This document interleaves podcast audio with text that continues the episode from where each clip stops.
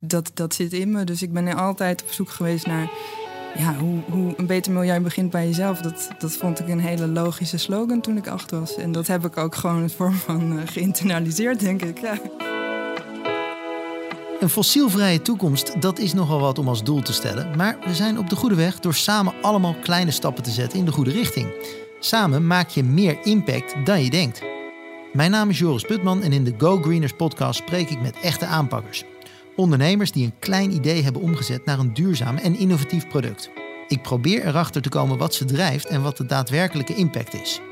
Deze aflevering spreek ik met Aletta Martens, mede-initiatiefnemer van Brood Nodig. Een prachtig project dat volledig draait om ja, brood en broodverspilling tegengaan en hier uiteindelijk zelfs biogas van maken. En ook de gast hier vandaag, en ook volledig bezig met het omzetten van restproducten in groen gas, is Robert van der Meij van Vattenval.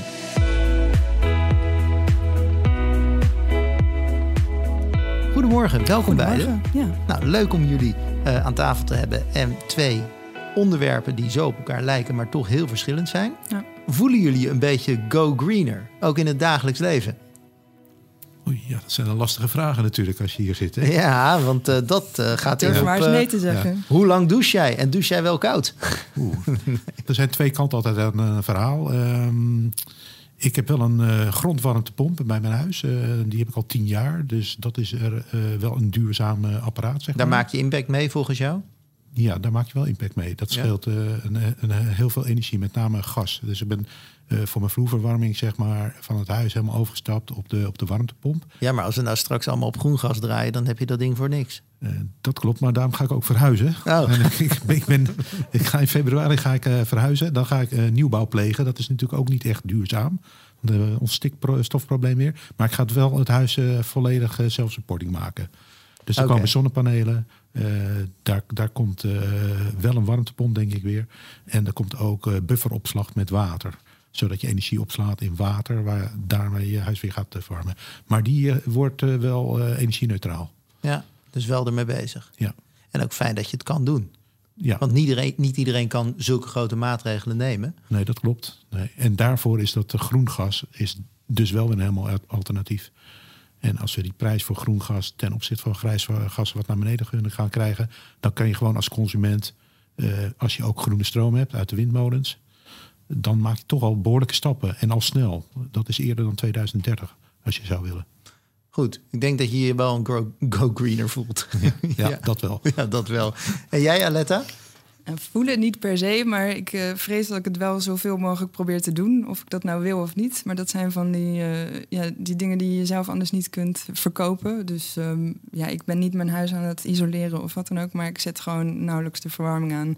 Mijn, uh, ja, ik word vaak voor gek verklaard. Ik doe gewoon een dikkere trui aan, weet je. Dat zijn kleine stapjes. Um, en het zit hem, denk ik, vooral in, uh, in, in hoe je zelf die dingen aanpakt. Dus doe bewust boodschappen, koop niet te veel. Tot en met neem je eigen zakje mee. Um, het gaat ook over de kleine dingetjes. En daar kan iedereen wat, uh, wat aan bijdragen.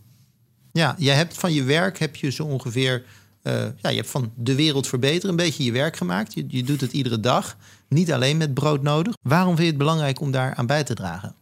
Waarom heb je je beroep zo ingericht? Ik denk dat ik persoonlijk, net zoals de mensen in mijn omgeving, gewoon niet anders kunnen. Dus het is, uh, het is gewoon iets wat je van binnen voelt en wat je, wat je drive is. En um, ja, ik, ik, dat, dat zit in me. Dus ik ben altijd op zoek geweest naar ja, hoe, hoe een beter milieu begint bij jezelf. Dat, dat vond ik een hele logische slogan toen ik acht was. En ja. dat heb ik ook gewoon in vorm van uh, geïnternaliseerd, denk ik. Ja. Ja, ja, we hebben daar een woord voor bedacht, Go Greeners. Want ja. zo heet de podcast. exact, maar hoe zou je jouw eigen baan omschrijven? Wat, wat ben je? Wat ben ik? Uh, nou, het liefst omschrijf ik mezelf als iemand die uh, bewustwording uh, aan de man brengt. En dat op een manier die dus een positieve gedragsverandering ondersteunt. En dat kan voor een bedrijf, voor een ja, maatschappij, als het maar een, een, positieve bijdrage is. En wanneer is die positief, is dan de volgende vraag natuurlijk. Ja, ja ik denk op het moment dat de wereld gezonder wordt, de mens gezonder wordt. Um, hele simpele Hele ja, simpele idealistische dingen. Wel, dingen, ja. ja. nee, nee ja, tuurlijk, dat is het ook. Een paar jaar geleden heb jij het initiatief Brood Nodig mede opgericht. Dat is nu een succes. Ja, ja dat is mooi. Ja. uh, wat kan je erover vertellen? Uh, nou, broodnodig is eigenlijk ontstaan vanuit uh, de pijplijn van Angelique van der Venne. Dat moet wel even gezegd worden. Zij is de, de, founding uh, mother van het project. en zij fietste dagelijks door Rotterdam en kwam gewoon overal ja, op, op straat brood tegen. En bekender werd in die tijd dat Rotterdam natuurlijk een rattenplaag had. Dus zodoende is het eigenlijk gegroeid en gestart met wat kunnen we hiermee en valt er iets voor te verzinnen. En daar zijn uh, ja, toen eigenlijk de, de verschillende koppen bij elkaar gekomen. En is er een uh, subsidieaanvraag uh, geschreven en gedaan. En die is toen uiteindelijk door CityLab, de, ja, zeg maar de gemeente, goedgekeurd. En zo zijn we van, van start gegaan. En, en wat doet wat doet Broodnodig? Broodnodig is een initiatief wat eigenlijk mensen vooral stimuleert om uh, hun brood in te zamelen. En dat kan nu in Rotterdam door middel van broodbakken. Dat zijn uh, groene containers die op uh, nou, 80 locaties door de hele stad staan. Dus ja, dat is dan flink gegroeid. Het is zeker flink gegroeid. Ja, we zijn echt van uh, per wijk zijn we begonnen. Dus het is echt een hele specifieke aanpak. Dat je gaat kijken naar wat leeft er hier. Zijn er uh, stortplekken? Zijn er klachten? Zijn er mensen die hier al heel betrokken zijn? Uh, mensen die, die, die, die een broodbak adoptant willen worden. Waar ook weer bepaalde voorwaarden aan zitten. Dus het is een, het is een heel breed wijkgericht opgebouwd proces. En zodoende krijg je er steeds meer een soort van broodnodig ambassadeurs, enthousiastelingen die dan ook weer anderen kunnen aanspreken. En uh, zodoende wordt de wijk steeds schoner. En een schonere wijk geeft ook een uh, goed gevoel. Dus dan, het heeft meerdere consequenties. Het houdt de ratten van de straat, maar ook uh, het verbindt. Dus het brood wordt ingezameld en wat doen jullie er dan vervolgens mee? Er wordt biogas van gemaakt. Dus het korte, het korte antwoord. Dus um, wat, er, wat ermee gebeurt is, op al die verschillende locaties wordt het ingezameld met een elektrisch autootje ja? tegenwoordig. En, uh, en dat wordt naar een grote biovergister gebracht. En daar uh, wordt biogas van gemaakt. Dat wordt uiteindelijk weer teruggeleverd via het net aan, uh, aan de regio. En waarom hebben jullie heel specifiek voor brood gekozen? Nou, eigenlijk omdat brood altijd in de top drie van voedselverspilling staat. Uh, en het dus een heel zichtbaar probleem is. Dus um, wat ik zei, mensen laten het ook vaak op straat achter. Met de beste bedoelingen van ik wil het teruggeven aan de aarde. Um, ja, en daardoor, daardoor ontstaat er dus een, een multi... Ja, problematiek in zoverre. En brood is een soort excellente Red Bull der vergisting, om maar zo te zeggen. dus uh, de bacteriën die, die in die vergisting te werk gaan, die vinden brood echt extra lekker. Er zit natuurlijk gist in brood. Dus die gaan daar harder uh, methaan van produceren. Mm, Oké. Okay. Um, en kan je iets zeggen over resultaten? Uh, want het is een succes. Dat betekent er zijn heel veel bakken in Rotterdam geplaatst. Ja. Uh, maar iets over hoeveel brood er nou is opgevangen of bespaard of hoeveel gas er is gemaakt? Uh, nou, ik kan in ieder geval zeggen dat uh, gemiddeld we ongeveer 3000 kilogram oud brood per week ophaalden. Uh, dus dat is echt wel flink wat. Als je bedenkt dat op één heel brood je een gaspit een uur open kan laten staan. Dus ja, gemiddeld mens kookt denk ik 20 minuutjes of zo. Dus 3000 uur gaspitten. Uh, nee, één brood is een, ja, nou ja, per week. Ja, ja per week. Omzet, oh, ja, ja, ja, ja, zeker. Ja. En, uh, je zei haalden. Ja, nou Jullie hebben het uit handen gegeven. We hebben het gemeente. overgedragen aan de gemeente. Met veel trots. Um, ik ben echt een groot fan van de gemeente Rotterdam. Uh, met name omdat zij dus initiatieven als de onze omarmen. En, um, ja, en, en de mogelijkheden hebben gegeven om dit soort dingen neer te kunnen zetten. En inmiddels is het dus na 3,5 jaar was het gewoon geïmplementeerd. We hebben daar natuurlijk een hele strategie aan uh, vastgehangen. Maar die is inmiddels uh, ja, gewoon een soort van in de aderen van de stad opgenomen. En zodoende hebben zij het nu uh, overgenomen. Dus ik ben eigenlijk heel erg trots. Het is ja, nu gewoon is een systeemverandering die uh, hopelijk blijvend is. Uiteindelijk wil je natuurlijk broodverspilling tegengaan en ook de bakken weer niet nodig hebben. Maar ja, dat is voor een later stadium. Als je het moet samenvatten, wat is volgens jou de kracht van het succes van brood nodig? Nou, allereerst dat wij voedselverspilling tegengaan, uh, overlast in de stad, door, doordat er dus brood en andere dingen achtergelaten worden in de publieke ruimte. Maar ook uh, het simpel dat je het in CO2 kunt meten. Dus het brood wat hergebruikt wordt, daar wordt biogas van opgewekt. En dat is een CO2-neutrale ja, alternatief voor bijvoorbeeld aardgas. En als je dat in cijfers wilt uitdrukken, dan kom je ongeveer, uh, ja, in de EU is de CO2-uitstoot uh, aan voedselverspilling ongeveer 170 megaton. En dat is bijna net zoveel als heel Nederland per jaar uitstoot. Dus ja, als je kijkt naar hoeveel impact uh, bijvoorbeeld broodverspilling daarin alleen al heeft. Dat is echt, ja, we hebben 435.000 broden die per dag in Nederland weggegooid worden. Nou ja, als je bedenkt dat een brood dus een uur voor een gaspit levert, dan, dan, dan, vind ik dat echt schrikbarende getallen. Ja. En grote impact. En een grote impact. Ja. Daarom, daarom ja. doen wij wat we doen. Robert, had jij ervan gehoord? Brood nodig? Uh, ik, ik heb er uh, wel van gehoord. Uh, alleen, ja, ik wist niet dat het zo'n succes was dat de gemeente dat al had overgenomen. Dus dat vind ik fantastisch om te horen. En ik vind het ook een geweldig lokaal initiatief. Want ja, we moeten met kleine stapjes groener worden. En dit is een van die kleine stapjes die daar fantastisch aan bijdraagt. En die ook verderop in Nederland nog te implementeren zou zijn. We blijven nog eventjes bij biogas. Sterker nog, daar gaan we helemaal niet van weg. Want Robert is er ook de hele dag mee bezig. ja. ja, bij ons uh, is het zo dat wij uh, bullen biogas, daar maken wij aardgas van. Dus de, wat uit die vergister komt, dat uh, gaan wij behandelen tot aardgasniveau. Dus het moet, er moet nog wat water uitgehaald worden, er wat CO2 uitgehaald worden. En dan krijgt die biogas, wordt methaangas, wat je in het aardgasnet kan pompen. Ja, wacht even. Ik, ik doe even één stapje terug, Robert. Want je zegt wij, dat doe je vanuit Vattenfall, hè? Ja, dat is de manier waarop wij ons product straks aan de consument, of nu eigenlijk aan de consument verkopen. Dus wij eh, zeggen tegen de consument: uh, wij hebben groen gas. Ja. En dat is dus echt biogas, wat gemaakt is uit een vergister. En het biogas maken we aardgas van, wordt in het aardgasnet gepompt. En daar hebben, gaan wij klanten voor uh, vinden. En wat is de CO2-impact van biogas gebruiken? Ja, dat ligt aan de stof die je erin gooit in de, in de vergister. In principe is het dat het neutraal, uh, neutraal is. Maar vaak zie je dat je in het proces nog CO2 eruit haalt. Waardoor, en als je dat opvangt of je eh, gaat laten weer plantjes opgroeien in een kas... dan haal je zelfs CO2 uit het milieu vandaan. Ja, die moet ik even uitleggen voor de iets minder technische luisteraars onder ons. Want ik, ik begrijp wat je bedoelt. Uh, er komt CO2-gas vrij hè, bij het biovergisten. Ja, klopt. Of Aletta zit ook uh, ja, we te zijn knikken. Leg jij het maar zo uit. in diepte al natuurlijk uh, aan gewend. Maar ja, wat, wat een vergistingsproces eigenlijk is... is een soort van het menselijk lichaam. Zo kun je het zien. Dus wanneer jij uh, iets eet, dan gaat dat door je, door je stelsel. Nou ja, die bacteriën die daarin zitten... dat is eigenlijk ook hoe een vergister werkt. Dus die eten dat voedsel op... Die worden daar heel blij van en die produceren gas. En dat gas wordt uiteindelijk dat methaan uh, wat afgevangen wordt. En omdat het niet uit de aarde gehaald wordt, maar uh, ja, neutraal geproduceerd, blijft dat dus een vorm van egaal. Maar hoe, ja, en hoe niet dat dan... uit de aarde gehaald wordt, want dat is wel even belangrijk. Ja, het, is dus aardgas is, is geen fossiele brandstof, Precies, ja. maar het komt van de oppervlakte. Van, de, van het groen, hè? Ja, ja wat al bestaat. Dus het wordt het hergebruik van, uh, van een reststroom. En dat is natuurlijk de kern van het verhaal. Ja. Uh, en hoe, hoe maken jullie uh, je biogas, Aletta?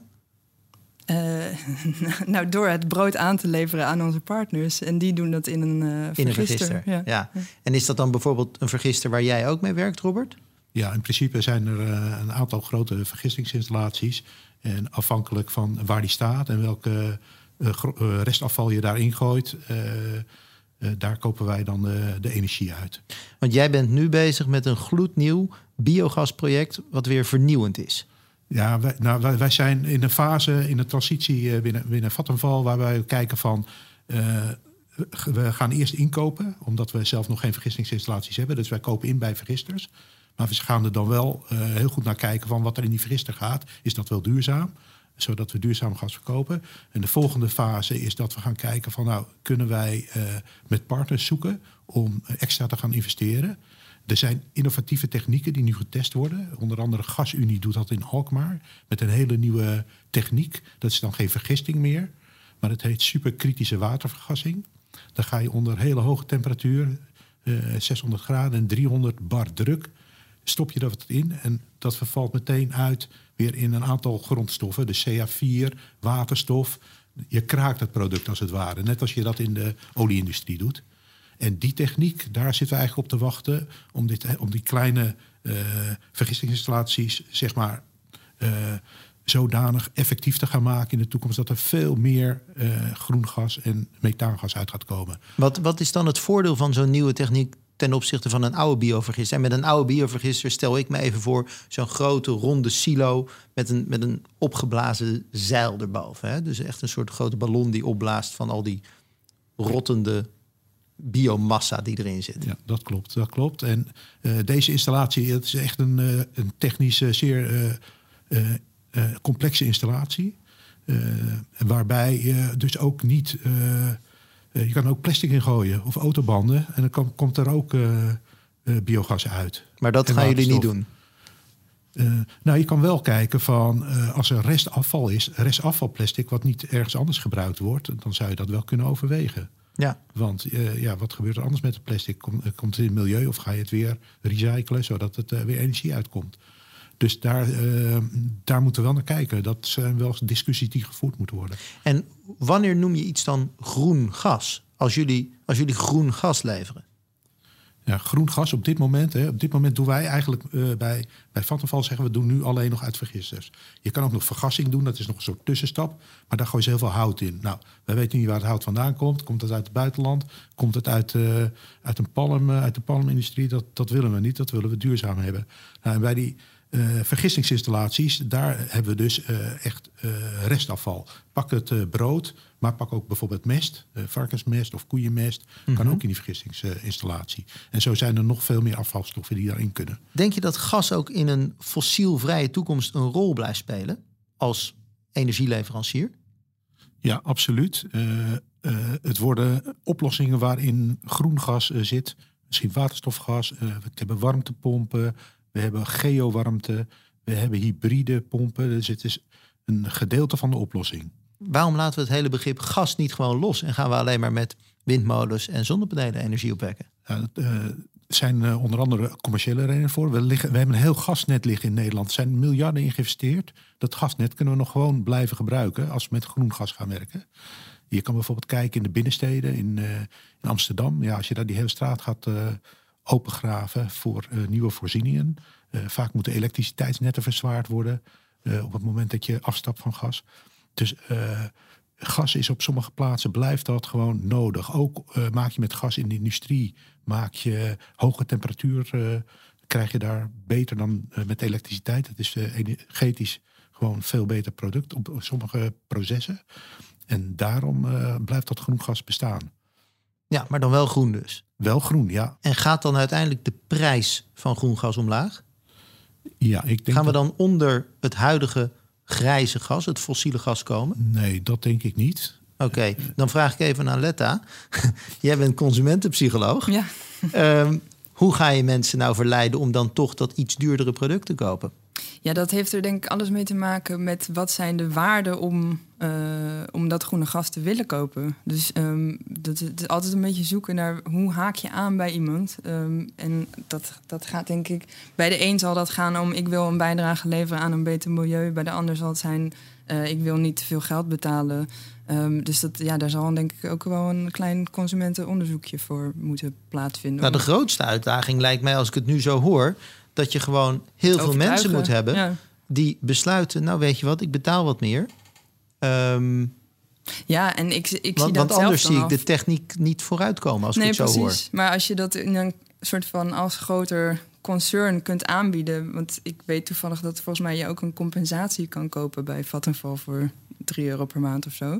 Dat je in ieder geval al een kleine stap de goede richting ingaat. En ik denk dat, een klein stapje. Ja, het zijn altijd kleine stapjes. Dus het gaat over het, het langzaam mobiliseren, zodat je met z'n allen uiteindelijk toch in een beweging komt. En dat in vergelijking met een jaar of vier, vijf geleden is de wereld echt al heel anders aan het kijken naar duurzaamheid en energie. En, maar die, die compensatie is voor ons eigenlijk, uh, vinden wij dat. Uh, al een stapje terug. Wij willen al een stapje verder. Met dat groen gas gaan we ook een stapje Terecht verder. ook, ja, zeker. Dus, dus dat, die compensatie die gaat er eigenlijk echt wel af, denk ik. Als we kijken naar prijzen, je moet ook kijken waar ga je het mee vergelijken. Op het moment dat er geen gas meer is, dan moet de consument ook beslissen van hoe ga ik dan aan mijn energie komen.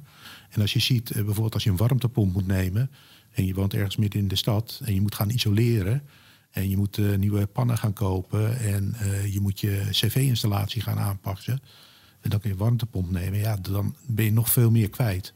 En ik denk ook wel dat de overheid zou ook nog wel ietsje kunnen sturen in die uh, meerprijs. Kijk, op het moment dat we zeggen, ja, groen gas, uh, daar gaan we geen 50% belasting op heffen, maar we gaan maar 40% belasting erop zetten. Dan ben je er bij wijze van spreken al.